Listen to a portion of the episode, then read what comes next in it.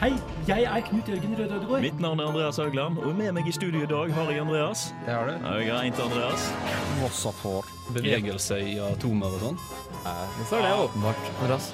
Fordi vi er best i alt. Vi går videre senere, ja. Faktisk. Faktisk, faktisk. Korallrevene. Ringkorallrev. Maur lever samtidig som dinosaurene. Det er egentlig kjedelig, men I'm James Randy, and you're listening to Unillustrated Science. Science isn't about why, it's about why not. Denne uken i Uillustrert vitenskap skal vi snakke om søvn. Da skal vi se på drømmer, hvorfor man sover, hva, hvor lenge, og en del andre ting jeg er for trøtt til å oppsummere akkurat nå. Hallo, hallo, og velkommen til denne ukas sending av Uillustrert vitenskap. Mitt navn er Andreas, og med meg i studio i dag så har jeg Martin, Hallo, hallo. Kristine Hei.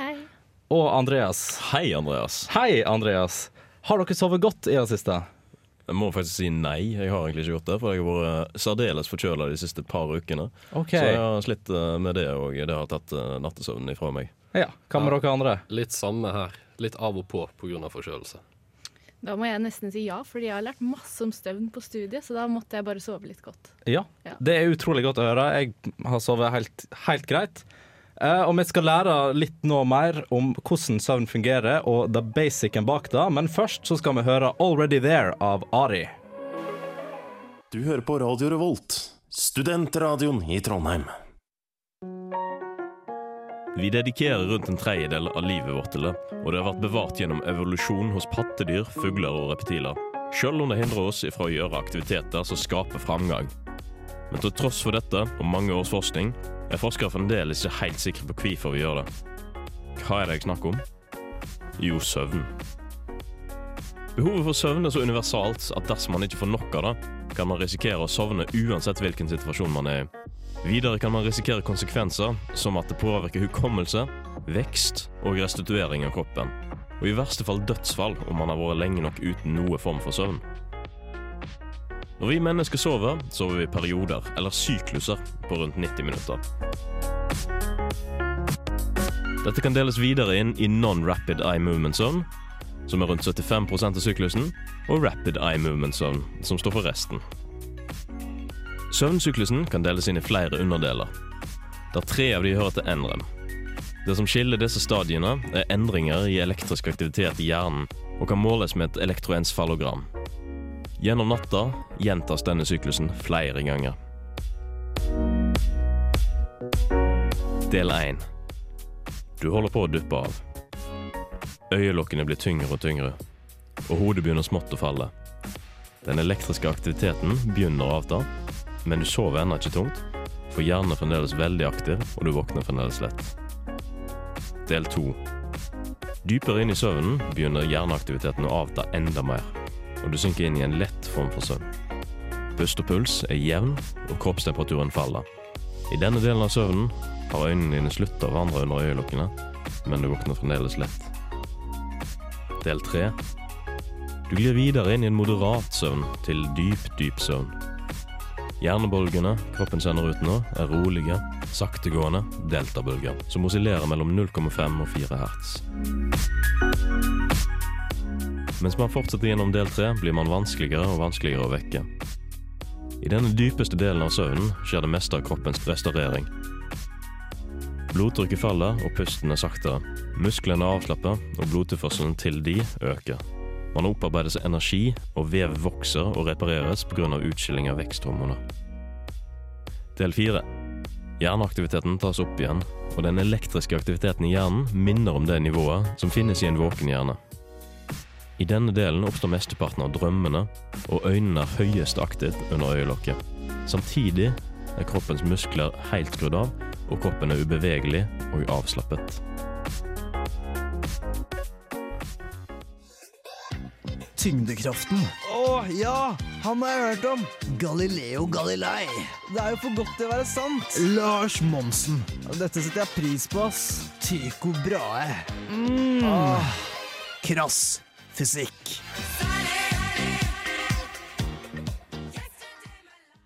Ja, altså jeg vil, Du hørtes jo egentlig litt sånn trøtt ut under hele den saken. der Jeg fikk litt sånn der eh, ASMR-vibbe, nesten. Det var litt av intensjonen at det skulle være litt sånn ASMR-stemning over det hele. Jeg nesten ble litt sånn søvnig mens du holdt på. Men jeg følte kanskje ikke helt nådde opp til det riktige, for da ble jeg mer sånn blom, blom, blom, blom, blom.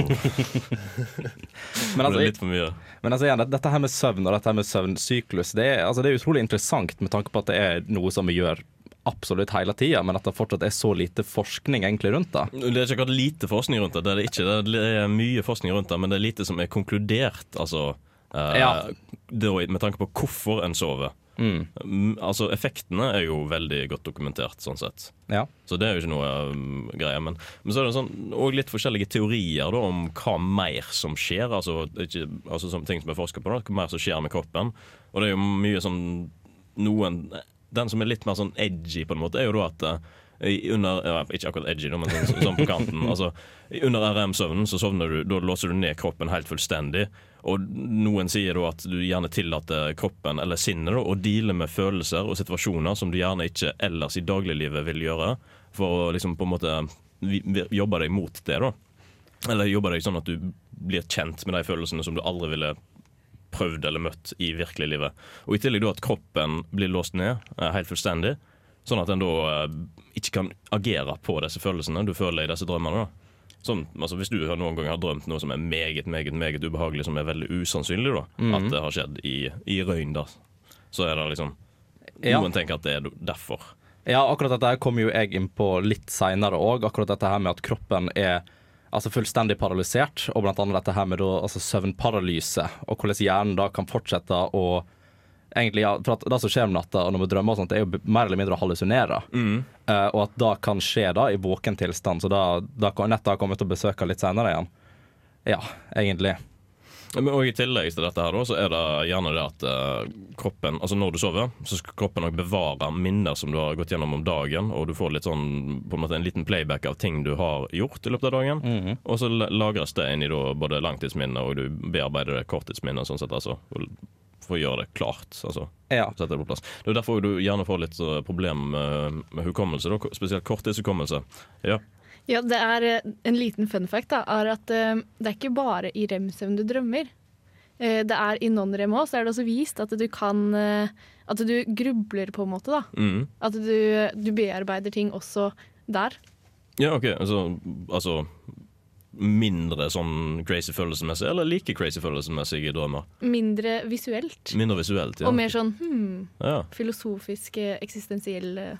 Jeg føler av og til at jeg begynner å drømme omtrent med en gang jeg sovner. Fordi jeg drømmer at noen sparker en fotball i ansiktet mitt, eller noe, så rykker jeg til. Ja, samme, samme. Det er Men det, sånn. det er en reflekstest uh, ut ifra det jeg har hørt, da, at kroppen tester om at du faktisk fremdeles er i live, og så bare spenner i gang eh, det meste av eh, muskler da, for å sjekke Oi, hei, jeg er i live. Ah. Sånn uh, hard reboot der som ja. Nei. Ja, altså, en, en teori jeg òg har lest om dette med søvn. Da. Altså, nå, du sa jo nå, du og Kristine, at du har hatt mye om søvn nå i det siste. I hvert fall nevnt til oss. Um, og jeg, i hvert fall en teori som jeg syns er veldig fascinerende, så kommer liksom på drømming og da at jeg liksom har jo i tidligere tider da, at det måtte ha vært en slags simulering Litt sånn som du nevnte da, Andreas, at det er en slags simulering av ting du kan oppleve. Liksom Bare for å styrke, altså, ja, styrke refleksene våre og liksom gjøre oss klare for situasjoner som kan oppstå. Og det synes jeg er veldig interessant. Men det jeg òg lurer på, er liksom hvor mye søvn man trenger. Eh, og da skal vi høre Martin snakke litt om etterpå, men før den tid så skal vi høre You'll Be Fine av Pompoko.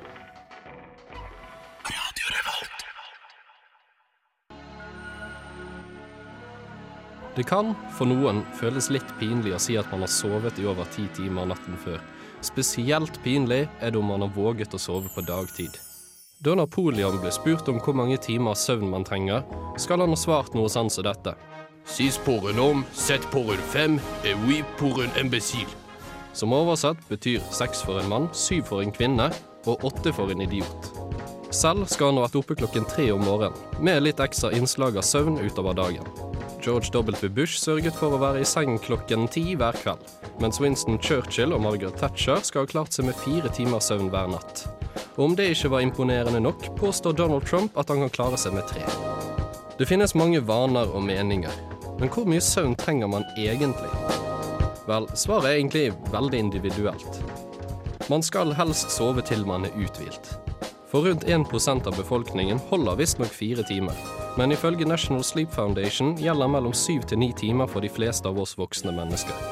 Tenåringer bør ha åtte til ti timer, mens de over 65 kan klare seg med syv til åtte timer. På en natt kan søvn gå gjennom flere stadier, og den viktigste for å behandle minner inntreffer under dyp søvn. Her er kroppen paralysert, men øyemusklene er fortsatt aktive, derav navnet Rapid Eye Movement, eller REM-søvn. En studie viste at studenter som ikke hadde sovet godt nok, gjorde det 40% dårligere på tester enn sine medstudenter som hadde fått en god natts søvn. Andre studier har vist at folk som sover mindre, gjør det dårligere på mentale tester, i tillegg til at det påvirker et stort antall gener. Sammenhengende søvn er også ganske viktig, så det er dessverre ikke mulig å ta igjen søvn ved å ligge litt utpå i helgene. Men om du sliter å få i deg nok søvn, så husk at Benjamin Franklin, Winston Churchill, Marilyn Monroe, Vincent van Gogh og mange flere skal ha slitt med søvnproblemer. Så om man sliter med søvn, så er man i det minste i godt selskap.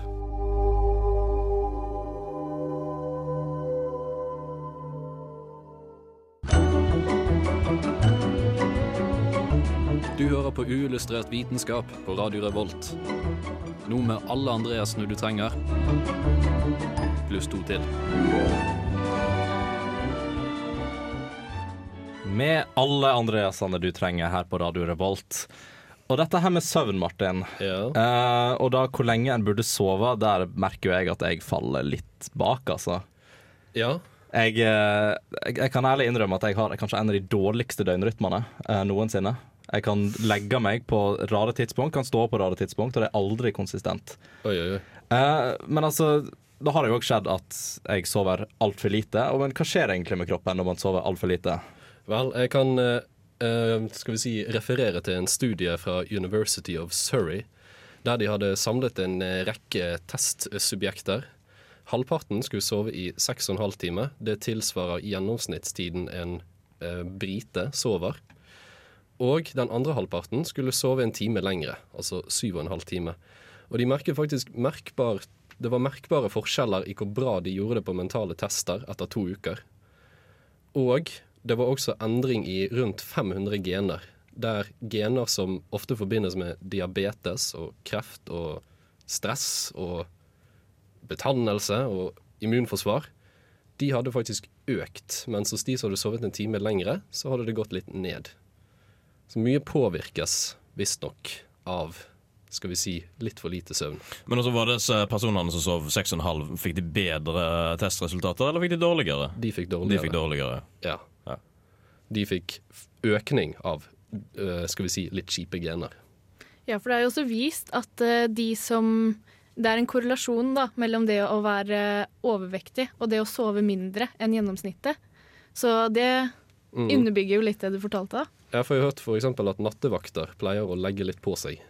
Ja, men det ser jo for å ha en veldig stor sammenheng med det at det er veldig lite matalternativer tilgjengelig, og det er litt lettere å ta seg en uh, nattmat ute på eh, en joint i stedet for å mekke seg. på- Stikke hjem og lage seg middag midt på natta. Ja, det er jo det de her døgnåpne kjedene er jo ikke akkurat eh, næringsrik, for å si det sånn.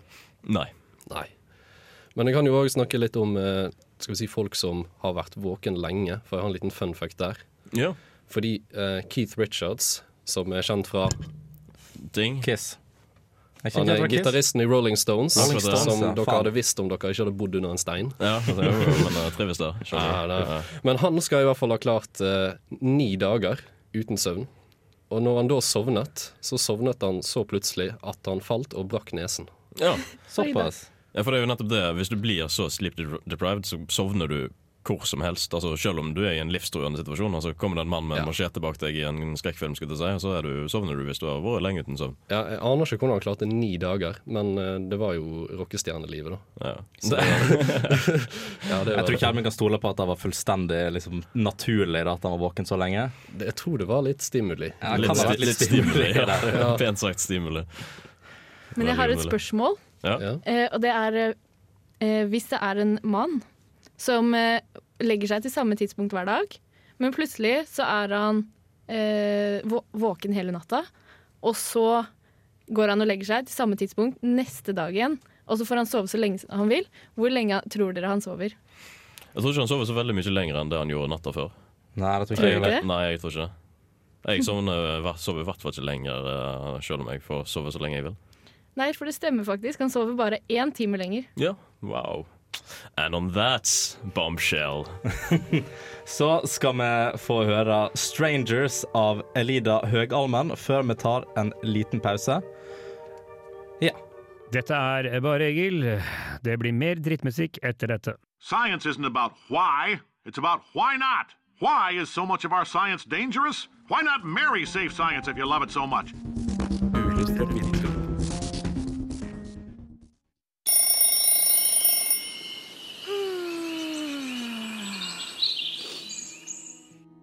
Står opp hver morgen og legger deg hver kveld. Hvorfor gjør du det? Det er to ting som bestemmer døgnrytmen vår.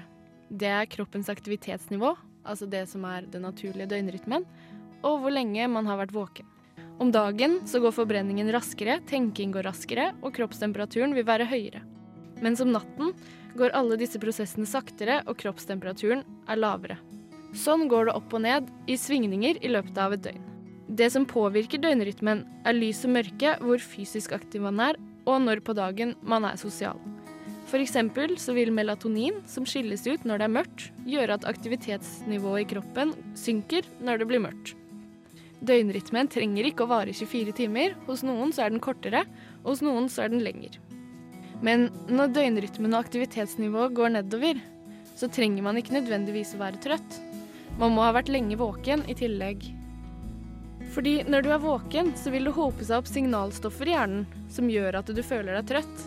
Jo lenger våken du har vært, jo mer av disse stoffene har du i hjernen, og jo trøttere blir du. Så hvis du legger deg når døgnrytmen er på vei ned, og du har vært våken lenge samtidig, så sovner du sannsynligvis.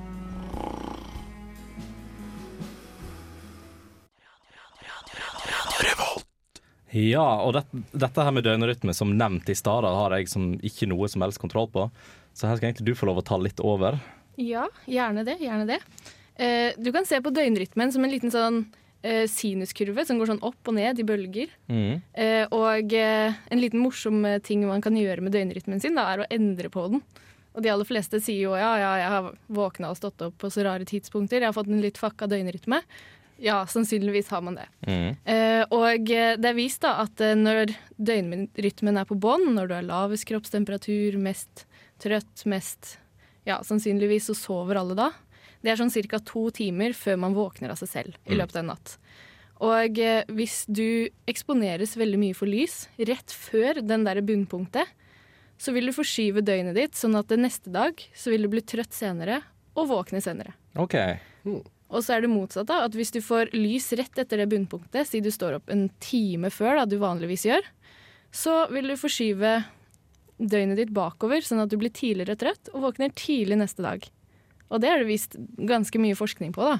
Så hvis man eh, skal forskyve døgnet sitt og gjøre det liksom rolig, en time av gangen eller to timer av gangen, så er det ikke sikkert du merker så mye til det og blir så trøtt, da. Men okay. det å gjøre det rolig høres jo faktisk fornuftig ut. Er det noen yeah. som gidder å forskyve døgnet sitt på en fornuftig måte? De fleste tar jo bare eh, en kort prosess og døgnet eller noe sånt. Ja, men det er jo det er nemlig det at det, um, ofte da, si du våkner eh, 11-12 i ferien, og så skal du begynne på skolen igjen da, og så må du våkne, så må du begynne å stå opp klokka sju. Mm. Men da, det vil jo da være før det bunnpunktet. Sånn at eh, ved å da ta, gjøre kort prosess av det, så vil du bli mye mer trøtt enn det du ville vært hvis du tok det rolig og ordentlig da. Ja, det er sant. Ja, jeg husker i hvert fall altså jeg så, Da du snakker om dette med sollys og liksom ting som kan ja, påvirke døgnrytmen. da. Jeg husker jeg så en dokumentar tilbake siden, eh, for en stund tilbake siden som heter 'When the Earth Stops Spinning'. Og da med at jorda, altså, at jorda sakte ned, og da vil altså døgnet bli lenger. Og hvordan da vil, altså, hvordan da vil spille, spille inn da på mennesket. Si at bare det at døgnet hadde økt med si ja, fire timer, da. Og hvordan da hadde liksom ødelagt døgnrytmen til alle sammen hvis det bare var lys bitte litt lenger. Det hadde nok vært et stort problem, fordi det er innstilt på ca. 24 timer. Altså hvis du er i et mørkt rom sånn konstant, så vil du nok fortsatt ha den sirkuleringen da på ca. 24 timer. Og Du vil bli litt uh, fucka etter hvert, da, men uh. Sannsynligvis, ja. Jeg merker det, for jeg hadde nå et år der uh, jeg uh, var så lat at jeg ikke gadd å skaffe meg gardiner på rommet mitt. Det var veldig behagelig, da, for jeg klarte å stå opp veldig tidlig. Uh, men ulempen var om sommeren, når det var mørkt i basically en og en halv time om natta. Uh, og så uh, ble det ja, lyst igjen, og da var det sånn Ja, det fikk fint. Stå opp tidlig hele tida. Veldig greit. Vinteren ja, det merka ingenting. Da var det jo mørkt rom uansett. Ja. Ja, For jeg har faktisk merket at eh, jeg er litt trøttere om morgenen om sommeren. Men på vinteren så blir det tyngre å stå opp fordi det er kaldere. Selv om jeg på en måte er litt mer våken. Fordi det har vært litt mørkere gjennom hele natten. Sant? Altså jeg har litt mindre forstyrrelser. Mm. Så det er greit. Så du har fått sovet bedre, da, med andre ord. Ja, det virker sånn. Det òg kan være kulden sin skyld. Det er jo, altså, du sovner jo lettere i et kaldt, eller relativt kaldt rom. Altså ikke da eh, pisskaldt ute, minus fem grader. Ikke sånn Så- frysepunkt, Nei, eh. nei, nei, men altså et eh, avkjølt rom. Du sovner jo enklere i det enn et rom som er 25-30 grader pluss. Mm, ja, ja. Så Ja, nei, det blir ofte sånn. Og eh, når vi snakker om mørkt, så skal vi over på det litt mer mørke hjørnet når det kommer til søvn og drømming. Men før den tid så skal vi høre 'Dumb Surfer' av King Cruel. I'm Lynn Rothschild from NASA Ames Research Center, and this is Unillustrated Science.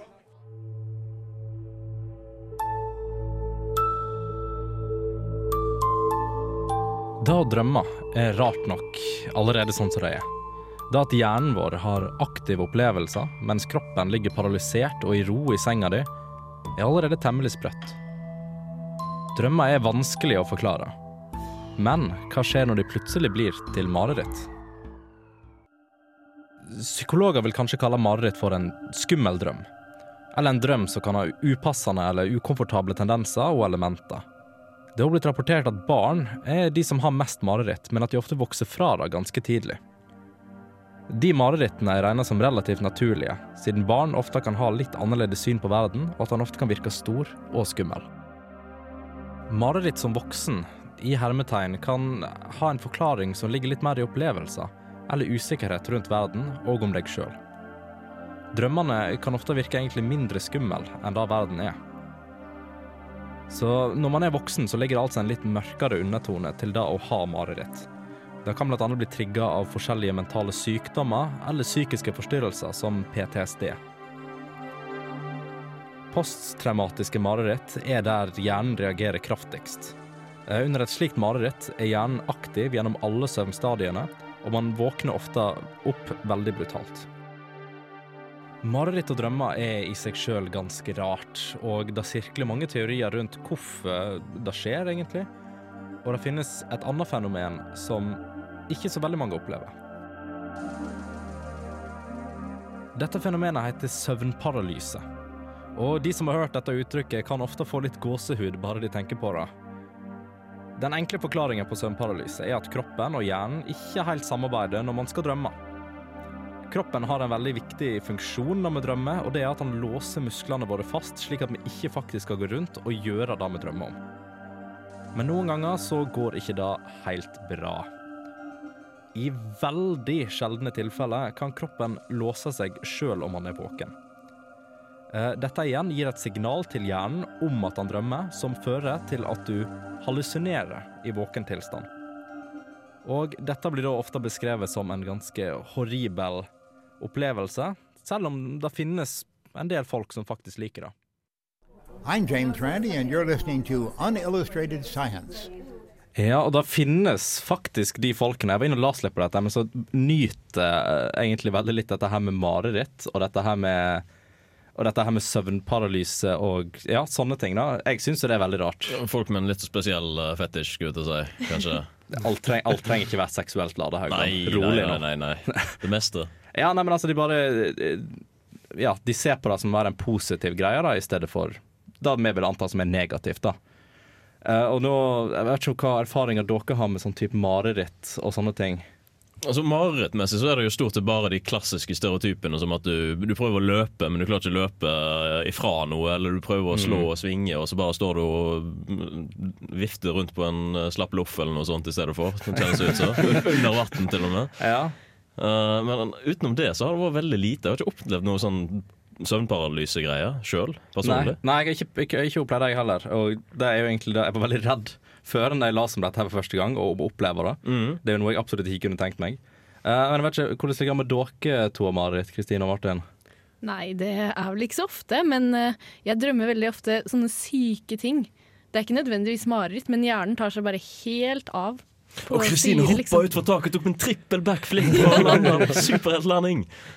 Sånne ting. Ja, litt sånn handlevogner som snakker og ja, Litt sånn magiske ting, da. Litt sånn syre. Ja, jeg òg har litt sånn rare drømmer. Av og til, Det er litt så rart, for jeg er av og til flink til å skate i drømmer. Og jeg har skjønt hvorfor, For jeg er ikke sånn superflink i virkeligheten. Sånn òg kan ta seg en bolle, liksom. Ja, det var sånn mer kontroll av og til.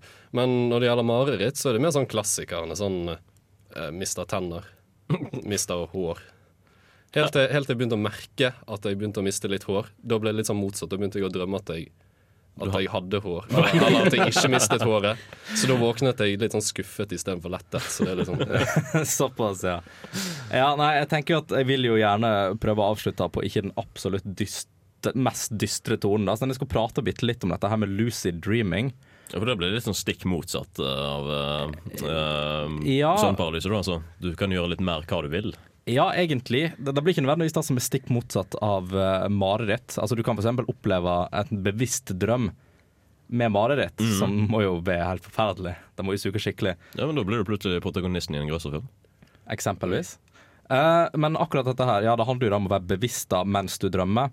Uh, og det er veldig få som egentlig opplever dette her med lucid dreaming. Uh, det er et veldig sjeldent fenomen, men du kan trene kroppen opp til å gjøre det. Um, og altså, de har til og med laga sånn type oppskrifter da, på hvordan en skal drive med lucid dreaming. Eksempel at du skal skrive ei drømmedagbok. Med en gang jeg våkner om morgenen, skal en skrive ned alt en husker. Og så skal en liksom prøve å gå gjennom drømmen mens en er fullstendig våken. Mm. Eh, og så er det òg da med at du skal f.eks. skrive et kryss på håndflaten. Eh, og så skal du prøve å gjenkjenne det krysset da når du er inne i drømmen. Og da liksom tenker du OK, du ser krysset på hånda di. Nå drømmer jeg. Altså, du, du prøver å krysse det i drømmen? Ja, Ja. eh, ja eller du, du skal liksom kjenne deg Du skal se deg igjen på hånda di Ja, når du er i drømmeland. Eh, men vi begynner jo òg da å nærme oss slutten her, ser jeg. Eh, men før vi skal ta siste avslutning, så skal vi høre The Evil Has Landed av Queens of the Stone Age. Hei, jeg er Knut Jørgen Røde Ødegård. Du hører på Uillustrert, som er like kraftig som en supernova, eller kanskje en hypernova. Like vakkert som en stjernehop, og like spennende som en Venuspassasje. Vitenskap. Tusen hjertelig takk, Knut Jørgen Rød Ødegård. Uh, vi er dessverre kommet til veis ende på dagens sending. Eh, og jeg ønsker gjerne da å takke først og fremst vår eminente tekniker Andreas. Hei. Det Hei. var et nytt navn. Det var et nytt navn. Nei, vent. Ja, nei, det var, det var ikke et nytt navn, men det var en ny person bak spakene. Yes. Eh, for å ha ledet oss gjennom denne søvnige, søvnige sendinga. Jeg føler i hvert fall jeg har lært mye.